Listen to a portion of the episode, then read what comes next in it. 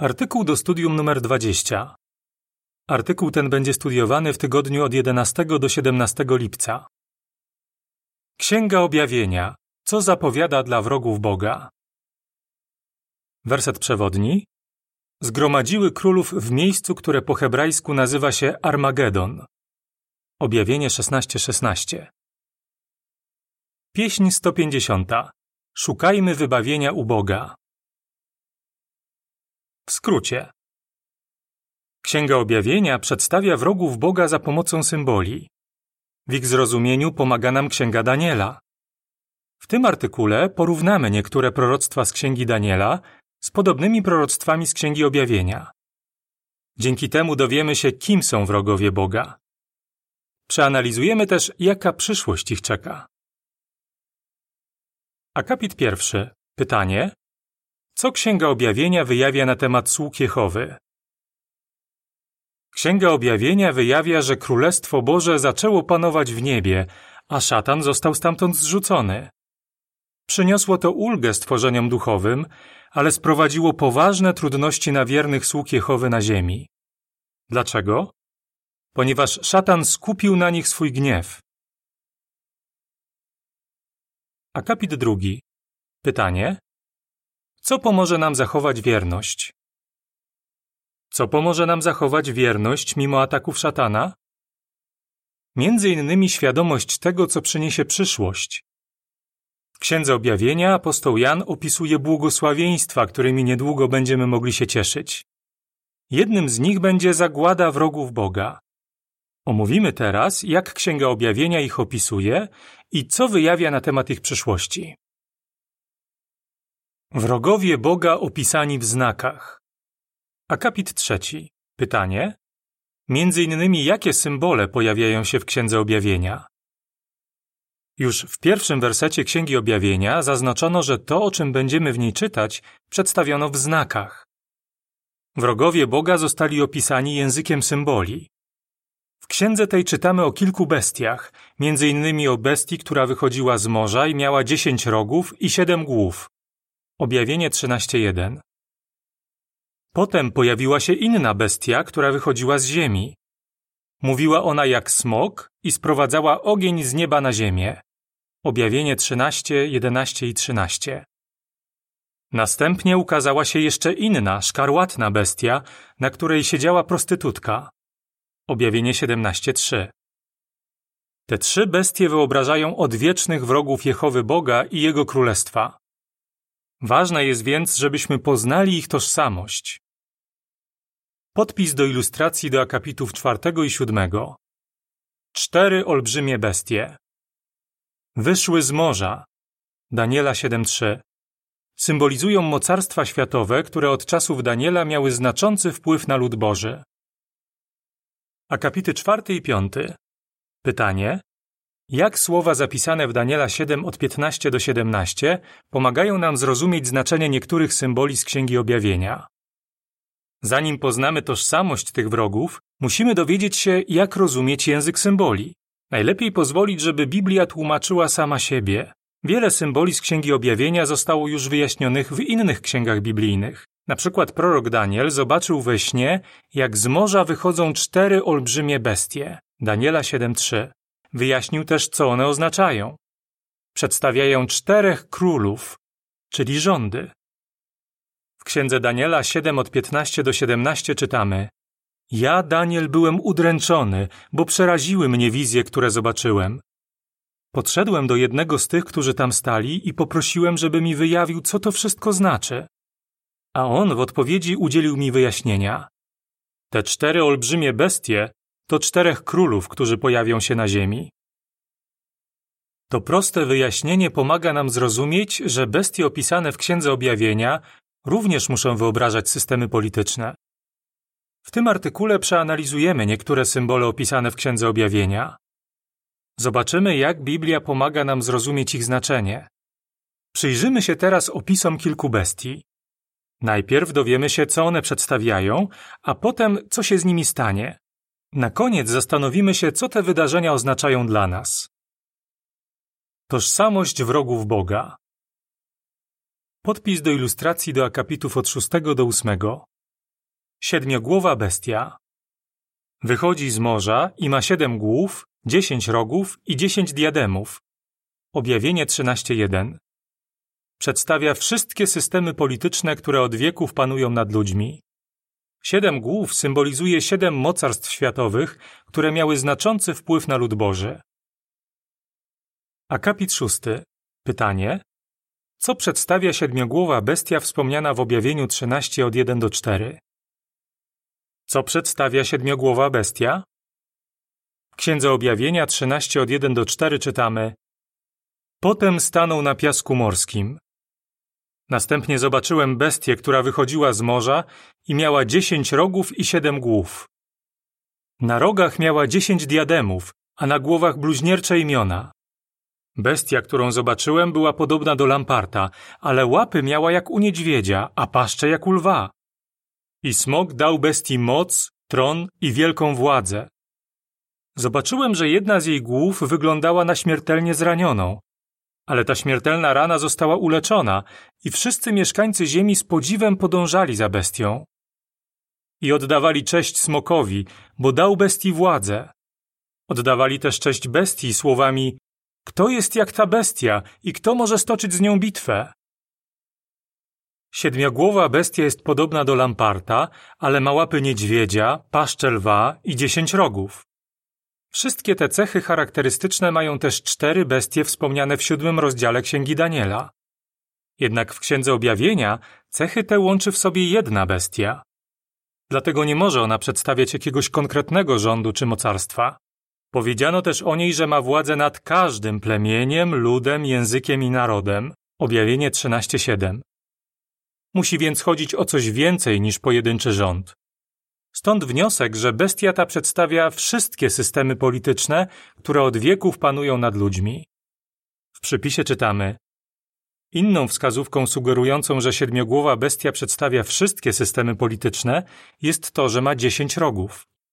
W Biblii liczba dziesięć często oznacza zupełność. Koniec przypisu. Akapit siódmy. Pytanie. Co wyobraża każda z siedmiu głów bestii? Co wyobraża każda z siedmiu głów? Wskazówkę znajdujemy w siedemnastym rozdziale Księgi Objawienia, gdzie opisano posąg bestii wspomniany w rozdziale trzynastym. W Księdze Objawienia 17:10 czytamy: Siedem głów oznacza też siedmiu królów. Pięciu już upadło, jeden jest, a inny jeszcze nie nadszedł. Gdy nadejdzie, ma na krótko pozostać. Ze wszystkich systemów politycznych, którymi posługiwał się szatan, siedem szczególnie się wyróżniało. Dlatego zostały one przyrównane do głów. Są to mocarstwa światowe, które miały znaczący wpływ na lud Boży. Do czasów apostoła Jana pojawiło się już pięć z nich: Egipt, Asyria, Babilon, Medopersja i Grecja. Szóste mocarstwo, czyli Rzym, panowało wtedy, kiedy Jan otrzymał objawienie. A który rząd okazał się siódmą głową, czyli ostatnim mocarstwem? Akapit ósmy. Pytanie. Jaką potęgę światową przedstawia siódma głowa bestii?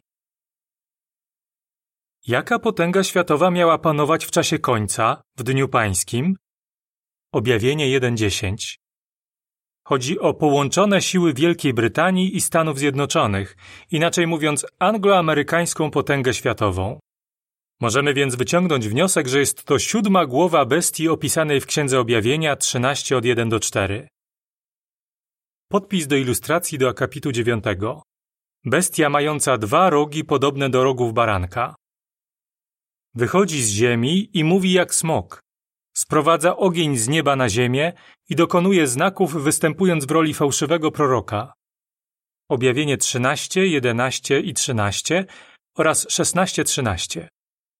Angloamerykańska potęga światowa przedstawiona jako dwurożna bestia i fałszywy prorok zwodzi mieszkańców całej ziemi i każe im wykonać posąg pierwszej bestii, mającej siedem głów i dziesięć rogów. Akapit dziewiąty. Pytanie. Co przedstawia bestia mająca dwa rogi podobne do rogów baranka? W dalszej części rozdziału 13 siódmą głowę, czyli angloamerykańskie mocarstwo światowe przedstawiono też jako bestię mającą dwa rogi podobne do rogów baranka, mówiącą jak smok. Objawienie 13:11. W XVI i XIX rozdziale Księgi Objawienia bestię tę określono jako fałszywego proroka. Objawienie 16:13. Dokonywała wielkich znaków, nawet sprowadzała ogień z nieba na ziemię. Objawienie 13:13. O podobnym szczególe wspomina prorok Daniel. Jak wynika z księgi, którą spisał, angloamerykańska potęga światowa miała dokonać przerażających zniszczeń. Daniela 8:24. Właśnie do tego doszło w trakcie II wojny światowej. Zrzucenie dwóch bomb atomowych, będących wynikiem współpracy brytyjskich i amerykańskich naukowców, odegrało kluczową rolę w zakończeniu wojny na Pacyfiku. W ten sposób angloamerykańskie mocarstwo światowe sprowadziło ogień z nieba na ziemię. Podpis do ilustracji do akapitów 10 i od 14 do 17. Szkarłatna bestia. Siedzi na niej prostytutka, Babilon Wielki. Bestię tę nazwano ósmym królem. Objawienie 17:11. Z początku prostytutka kontroluje bestię, ale potem zostaje przez nią zabita. Prostytutka wyobraża wszystkie istniejące na świecie religie fałszywe. Bestia wyobraża Organizację Narodów Zjednoczonych, która służy interesom ogólnoświatowego systemu politycznego. Akapit 10. Pytanie: Co przedstawia posąg pierwszej bestii? Teraz widzimy kolejną bestię. Wyglądem bardzo przypomina bestię z siedmioma głowami, z wyjątkiem tego, że jest barwy szkarłatnej. Nazwano ją posągiem pierwszej bestii oraz ósmym królem. W przypisie czytamy: W przeciwieństwie do pierwszej bestii, posąg ten nie ma na swoich rogach diademów, czyli koron. Jest tak, bo wywodzi się z tych siedmiu królów i otrzymuje od nich władzę. Koniec przypisu. W Księdze Objawienia 13, 14 i 15 czytamy: Zwodziła mieszkańców ziemi znakami, których pozwolono jej dokonywać w obecności pierwszej bestii. Ponadto kazała mieszkańcom ziemi wykonać posąg pierwszej bestii, tej, która otrzymała cios mieczem, a jednak odżyła. I drugiej bestii pozwolono tchnąć życie w posąg pierwszej bestii, żeby ten posąg mówił i kazał zabijać wszystkich, którzy nie zechcą oddawać mu czci. A w Księdze Objawienia 17, 3, 8 i 11 czytamy Anioł przeniósł mnie mocą ducha na pustkowie. Zobaczyłem tam kobietę, która siedziała na szkarłatnej bestii pełnej bluźnierczych imion oraz mającej siedem głów i dziesięć rogów. Bestia, którą widziałeś, była, ale teraz jej nie ma. Wkrótce jednak wyjdzie z otchłani i zostanie zniszczona. A mieszkańcy Ziemi, ci, których imiona od założenia świata nie zostały zapisane w zwoju życia, będą zdumieni, gdy zobaczą, że bestia była, ale jej nie ma, a jednak się pojawi. A bestia, która była, ale jej nie ma, jest ósmym królem. Wywodzi się z tych siedmiu i zostanie zniszczona. Ósmy król się pojawił, potem zniknął, a następnie powrócił. Ten opis dobrze pasuje do Organizacji Narodów Zjednoczonych, która służy interesom ogólnoświatowego systemu politycznego. Początkowo była nazywana Ligą Narodów. Później, w trakcie II wojny światowej, przestała istnieć. W końcu odrodziła się jako Organizacja Narodów Zjednoczonych. Akapit 11. Pytanie: Do czego podburzają bestie i dlaczego nie musimy się ich obawiać? Posługując się propagandą, bestie podburzają ludzi, żeby sprzeciwiali się Jehowie i jego sługom. W sensie symbolicznym zgromadzą królów całej ziemi na wojnę nazwaną Armagedonem, która ma się rozegrać w wielkim dniu wszechmocnego Boga. Objawienie 16:14. Ale nie mamy się czego obawiać. Nasz Bóg, Jehowa, szybko przyjdzie na ratunek tym, którzy popierają jego władzę. Akapit 12. Pytanie: Co się stanie ze wszystkimi bestiami? Co się stanie ze wszystkimi bestiami? Odpowiedzi udziela nam Księga Objawienia 19:20, gdzie czytamy: Pochwycono bestię, a razem z nią fałszywego proroka, który w jej obecności dokonywał znaków i zwodził nimi tych, którzy przyjęli znamie bestii, oraz tych, którzy oddają cześć jej posągowi. Oboje, bestia i fałszywy prorok, zostali żywcem wrzuceni do ognistego jeziora, w którym płonie siarka. Tak więc rządy będące wrogami Boga jeszcze w trakcie swojego panowania zostaną zniszczone na zawsze. Akapit 13. Pytanie: Przed jakim wyzwaniem związanym z rządami tego świata stają chrześcijanie? Co to oznacza dla nas? Jako chrześcijanie musimy zachowywać lojalność wobec Boga i Jego Królestwa. Dlatego w sprawach politycznych tego świata musimy być neutralni. Może to stanowić prawdziwe wyzwanie, ponieważ rządy oczekują od nas całkowitego poparcia wyrażanego słowem i czynem. Ci, którzy ulegają tej presji, otrzymują od bestii znamie. Objawienie 13:16. Nie mogą jednak liczyć na zyskanie uznania Jehowy i tracą widoki na życie wieczne. Jakie to więc ważne, żebyśmy zachowywali ścisłą neutralność, bez względu na naciski, które są na nas wywierane. Haniebny koniec wielkiej prostytutki. Akapit 14. Pytanie. Co zaskakującego zobaczył apostoł Jan zgodnie z objawieniem 17 od 3 do 5? W Księdze Objawienia 17 od 3 do 5 czytamy Anioł przeniósł mnie mocą ducha na pustkowie. Zobaczyłem tam kobietę, która siedziała na szkarłatnej bestii pełnej bluźnierczych imion oraz mającej siedem głów i dziesięć rogów. Kobieta była ubrana w purpurowe i szkarłatne szaty oraz przystrojona w złoto, drogocenne kamienie i perły. W ręku trzymała złoty kielich napełniony rzeczami budzącymi obrzydzenie oraz nieczystościami i niemoralności. Na czole miała napisane imię, które jest tajemnicą. Babilon Wielki, matka prostytutek i ziemskich obrzydliwości. Apostoł Jan wspomina, że zobaczył coś, co wprawiło go w ogromne zdumienie. Co to było? Na grzbiecie przerażającej szkarłatnej bestii siedziała kobieta. Przedstawiono ją jako wielką prostytutkę i nazwano Babilonem Wielkim. Wdawała się ona w niemoralne kontakty seksualne z ziemskimi królami. Objawienie 17:1 i 2. Akapity 15 i 16. Pytanie: Czym jest Babilon Wielki i skąd o tym wiemy? Czym jest Babilon Wielki? Ta kobieta nie może symbolizować organizacji politycznej, ponieważ powiedziano o niej, że dopuszcza się niemoralności z przywódcami politycznymi. Siedzi ona na bestii, co oznacza, że próbuje kontrolować tych przywódców. Poza tym nie może wyobrażać zachłannego systemu handlowego, bo został on przedstawiony jako ziemscy kupcy. Objawienie 18:11. W Biblii określenie prostytutka może odnosić się do tych, którzy twierdzą, że służą Bogu, ale dopuszczają się bałwochwalstwa albo zabiegają o przyjaźń ze światem. Z kolei wiernych sług Boga określono jako czystych i jako dziewice. 2 Koryntian 11:2 oraz Objawienie 14:4 przypis. W starożytności Babilon był ośrodkiem fałszywego kultu. Dlatego Babilon Wielki musi mieć związek z religią, w gruncie rzeczy wyobraża wszystkie istniejące na świecie religie fałszywe. Akapit 17. Pytanie: Co się stanie z Babilonem Wielkim? Co się stanie z Babilonem Wielkim?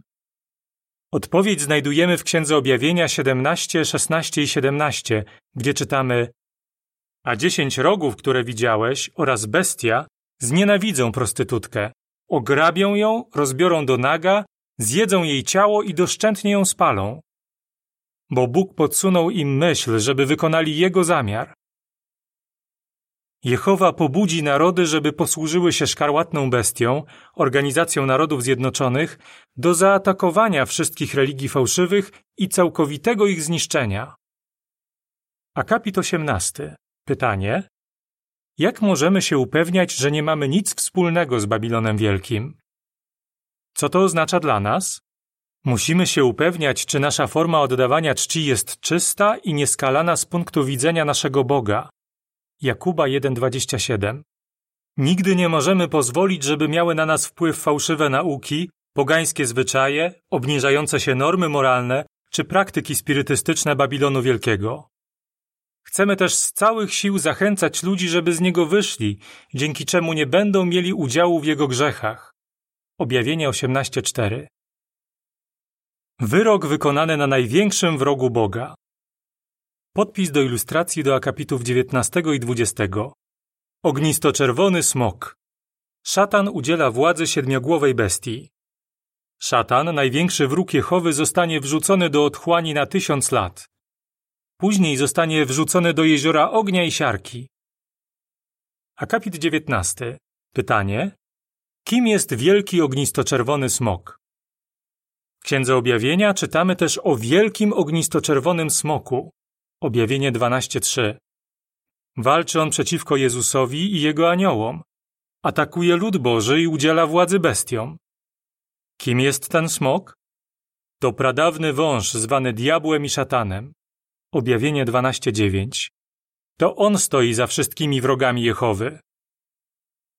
Akapit 20. Pytanie: Co się stanie ze smokiem? Co się stanie ze smokiem? Księga Objawienia 20 od 1 do 3 opisuje, jak pewien anioł wrzucił szatana do otchłani, która wyobraża przypominający uwięzienie stan nieaktywności. W tym czasie szatan już nie będzie zwodził narodów, dopóki się nie skończy tysiąc lat. Ostatecznie razem z demonami zostanie wrzucony do jeziora ognia i siarki, co oznacza ich całkowitą zagładę. Objawienie 2010 Wyobraźmy sobie, jak będzie wyglądał świat bez ich wpływu. To będą wspaniałe czasy. Akapit 21. Pytanie: Dlaczego to, o czym czytamy w Księdze Objawienia, może być dla nas źródłem radości? Zrozumienie symboli z Księgi Objawienia jest dla nas bardzo zachęcające. Nie tylko dowiedzieliśmy się, kim są wrogowie Jehowy, ale też co się z nimi stanie. Rzeczywiście szczęśliwy jest ten, kto czyta na głos słowa tego proroctwa. Objawienie 1:3. A jakich błogosławieństw zaznamy, kiedy wrogowie Boga zostaną usunięci? Dowiemy się tego z ostatniego artykułu z tej serii. Czy pamiętasz? Co pomoże nam zrozumieć znaczenie symboli z Księgi Objawienia? Dlaczego musimy zachowywać neutralność w sprawach politycznych? Jak możemy się upewniać, że jesteśmy wolni od wpływu Babilonu Wielkiego? Pieśń 23. Jehowa ustanowił królestwo.